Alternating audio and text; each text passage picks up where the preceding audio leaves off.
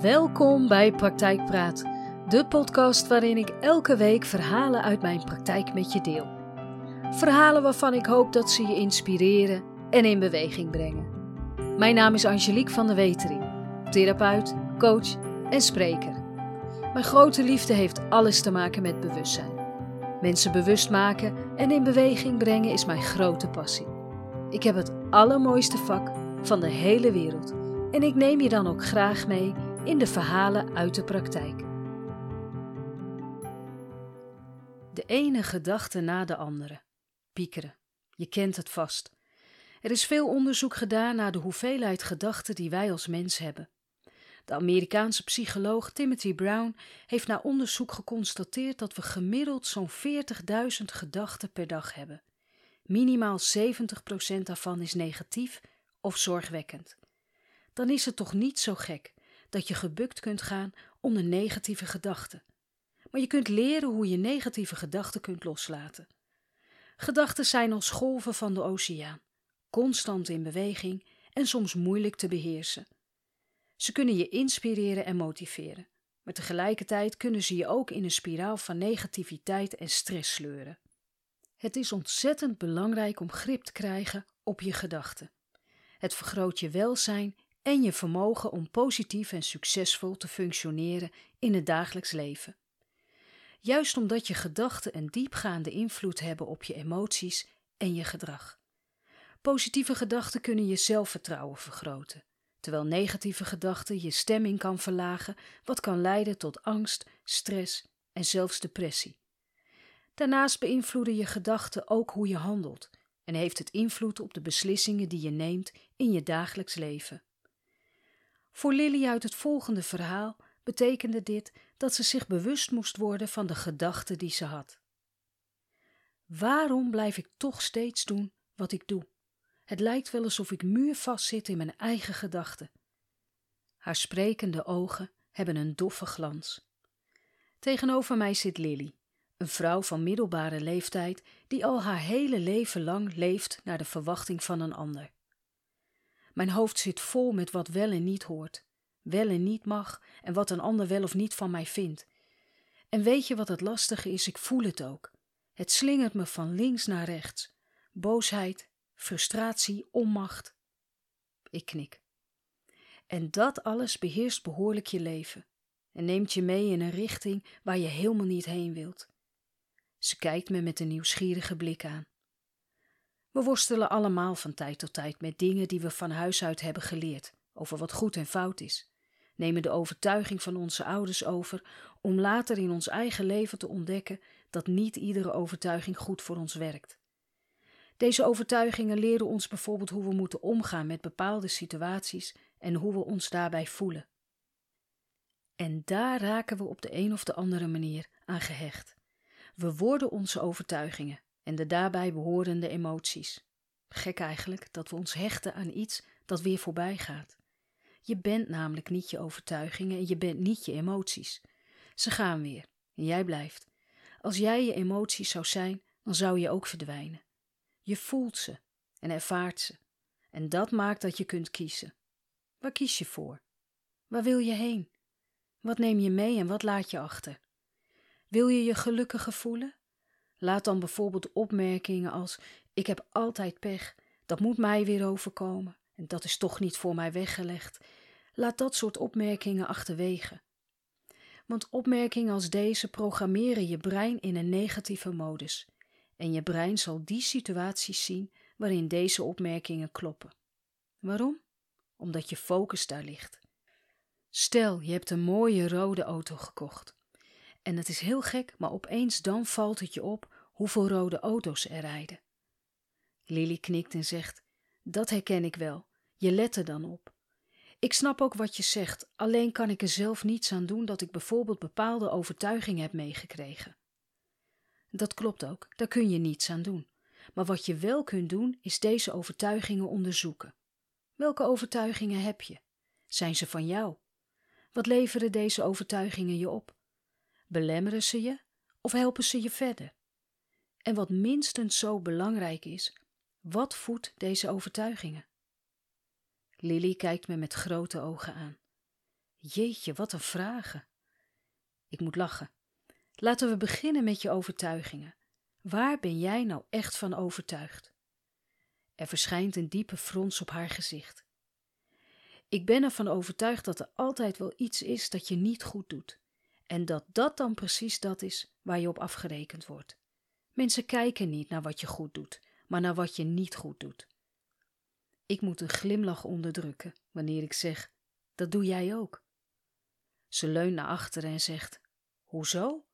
Het is dat anderen daarover vallen, en dat geeft mij het idee dat ik niets goed kan doen. Precies, je geeft het zelf al aan. Je hebt het idee dat. En dat betekent dat je gedachten hebt die te maken hebben met wat je niet goed doet, terwijl je misschien zelf wel vindt dat je het wel goed hebt gedaan. Dus ook jij bent bezig met wat je volgens anderen niet goed hebt gedaan. Niet eens met wat je zelf niet goed vond, maar wat de ander niet goed vond. En dan kunnen je gedachten alle kanten op gaan en zullen voornamelijk te maken hebben met jouw overtuiging dat je nooit iets goed kunt doen. Wat hieruit voort kan komen zijn angstgedachten, gedachten die met zorgen te maken hebben, en je kunt je daardoor angstig en bezorgd gaan voelen. En om meer grip te krijgen op je gedachten, moet je je eerst bewust worden van wat er zich in je hoofd afspeelt. Vaak gaan gedachten onopgemerkt aan ons voorbij. Dit alles heeft te maken met bewustwording. Waar gaan de meeste van jouw gedachten heen? Ze legt haar handen in haar schoot en zegt: Naar de ander. Altijd. Ik ben altijd met anderen bezig. En zijn die gedachten dan positief of negatief? Ze haalt haar schouders op en zegt: Dat is een goede vraag. Dat weet ik eigenlijk niet. Het is belangrijk om negatieve gedachten te herkennen. Ze hebben vaak te maken met zelfkritiek of twijfel, angst. Negatieve gedachten kunnen ervoor zorgen dat je gaat piekeren. En wanneer je een zwart-wit denken bent, dan is iets of goed of fout. Daar zit dan weinig nuance tussenin. Wanneer je bijvoorbeeld iets niet helemaal goed hebt gedaan in je werk, dan zou je kunnen denken dat je volkomen incompetent bent. Lily staart naar de grond en blijft even stil. Ik herken mezelf daarin. Ik heb dat in veel dingen, vooral wanneer iemand kritiek geeft. Dan kan ik mezelf helemaal naar beneden halen. De gedachte die je dan hebt, maakt het alleen maar erger. Zelfkritiek. Je geeft jezelf de schuld en bekritiseert jezelf tot er niets meer van je over is. Er rolt een traan over haar wang. Dat gaat echt vanzelf. Dat je er niet bewust van bent, maakt het alleen nog maar pijnlijker, lieverd. Het is zo belangrijk om de inhoud van je gedachten te kennen, want negatieve gedachten zorgen voor nog veel meer negatieve gedachten. En voor je het weet zit je in een negatieve denkspiraal. De ene gedachte voedt de andere en het gevoel dat je bij deze gedachte hebt bevestigt de gedachte ook nog eens. En dat maakt het lastig om negatieve gedachtenpatronen te doorbreken. Ze geven je niet alleen een rotgevoel, maar ze staan je ook in de weg. Om inzicht te krijgen in je eigen gedachten kun je jezelf de vraag stellen of de gedachten die je hebt bij een bepaalde gebeurtenis wel kloppen. Lily veegt haar tranen weg en zegt: Ik denk dat ze wel kloppen. Ik doe dan toch iets niet goed. Hoe kan ik me daar dan positief bij voelen? Lily, zou het ook zo kunnen zijn dat jij denkt dat de gedachte waar is omdat het klopt bij je angst? Je angst is dat je iets niet goed doet. En wanneer je iets niet goed hebt gedaan, dan denk jij: zie je wel. Dan lijkt je gedachte inderdaad te kloppen. Maar wat ik van jou begrijp, is dat je bij alles wat je doet naar een ander kijkt. Je zoekt bij een ander de bevestiging of je het wel goed hebt gedaan. En zolang je dat blijft doen, is de kans groot dat je geen tevreden gevoel krijgt over jezelf. Zoek de bevestiging liever bij jezelf en stel jezelf de vraag: vind ik dat ik het goed heb gedaan? Maar dat heb ik wel eens. Alleen wanneer ik dan kritiek krijg, dan ga ik enorm twijfelen aan mijn eigen kunnen. Dat is niet erg, lieverd. Wat wel erg is, zijn de negatieve gedachten die jij dan de vrije hand geeft. Je vertelt jezelf daarmee dat er altijd wel iets is dat je niet goed doet, en vervolgens gebruik je dit soort ervaringen steeds als bewijs om te concluderen dat soortgelijke situaties net zo zullen zijn. En daarmee voorspel je je eigen toekomst. Je neemt aan dat toekomstige gebeurtenissen negatief zullen zijn zonder enig bewijs of reden. Vraag je jezelf wel eens af of wat je denkt 100% waar is. Ze schudt haar hoofd en staart uit het raam. Het is zo lastig. Dat snap ik. Alles waar je je bewust van moet blijven en moeite voor moet doen, dat vinden wij mensen lastig. Daarnaast is je manier van denken een ingesleten denkpatroon geworden, volledig automatisch en onbewust. En alleen wanneer je je gedachten onder de loep gaat nemen, ontstaat de bewustwording. Voor Lily was tijd haar grootste vriend. In de tijd tussen onze afspraken door kreeg ze steeds een opdracht mee. Een van de opdrachten die ze het meest moeilijk vond, had te maken met de gevolgen die haar gedachten hadden op haar zelfbeeld en leven. Ik ben mezelf behoorlijk tegengekomen in de afgelopen week. Ik kreeg van jou de opdracht mee om naar situaties te kijken en mezelf dan af te vragen hoe ik me zou voelen als ik deze gedachten niet had. In de afgelopen week is er veel gebeurd en ik heb me behoorlijk uitgedaagd gevoeld. Waar ik van schrok was hoe comfortabel het voelde om negatief te denken. Ik ben me daar nooit bewust van geweest. Ik ben gaan zien dat ik me er te vaak achter verscholen heb. Vorige week kreeg ik een fantastische kans op mijn werk. Ik had een functioneringsgesprek. Met buikpijn en lood in mijn schoenen ging ik het gesprek in. En ik betrapte me erop hoe sterk mijn negatieve gedachten dan zijn. Ik was er namelijk van overtuigd dat ik een negatieve beoordeling zou krijgen. En niets was minder waar. Sterker nog, ik kreeg een nieuwe functie aangeboden.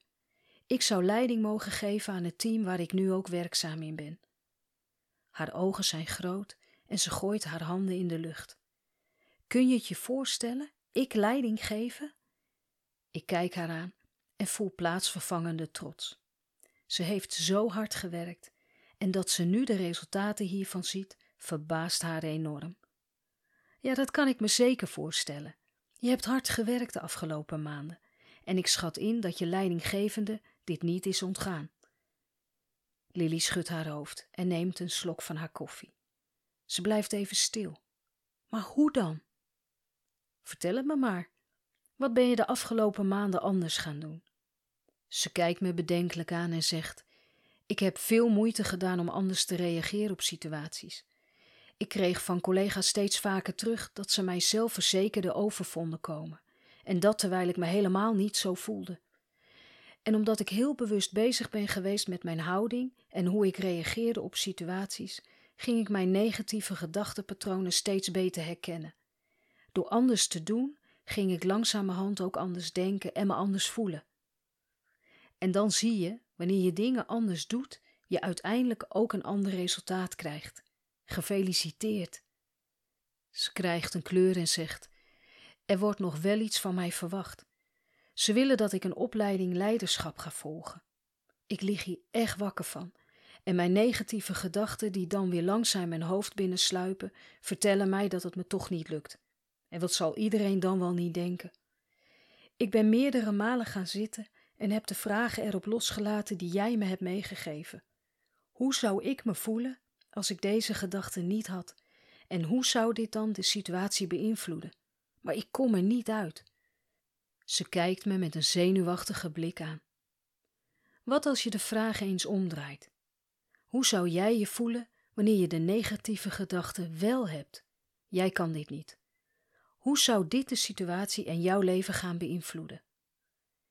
Er valt een stilte en haar wenkbrauwen gaan omhoog wanneer ze zegt: Goh, dit geeft opeens een hele andere kijk. Ik zou me precies zo voelen als nu, en dat is helemaal niet wat ik wil. Bovendien loop ik dan de kans dat dit aan mijn neus voorbij gaat. En dat is wel het laatste wat ik wil. Ik voel nu pas dat ik dit echt wil gaan doen. Ik glimlach. Wat maakt nou dat je het nu wel ziet en daarvoor niet? Omdat ik nu zie dat ik dan akkoord ga met mijn eigen negatieve voorstel van gedachten. Het voelt alsof mij iets ontnomen wordt, of iemand iets van me af wil pakken. Haar ogen worden een moment groot wanneer ze roept: die persoon ben ik. Dat is wat ik nu pas kan zien. Wat bizar. Wanneer we ergens een belang bij hebben dat groter is dan al het andere, gaan we opeens zien wat ons in de weg staat.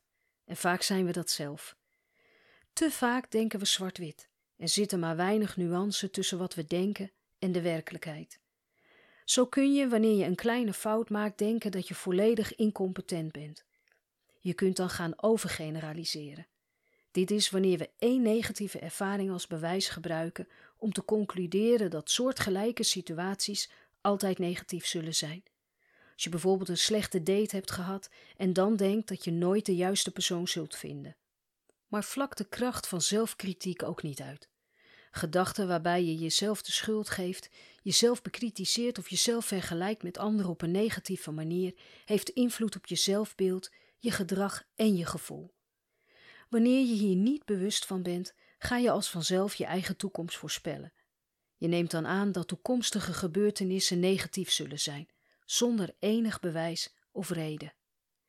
Je bewust worden van je eigen negatieve gedachten heeft veel voordelen. Naarmate je bewustwording van je gedachtegang groeit, zul je merken dat je in staat bent om negatieve gedachtenpatronen te herkennen en te doorbreken.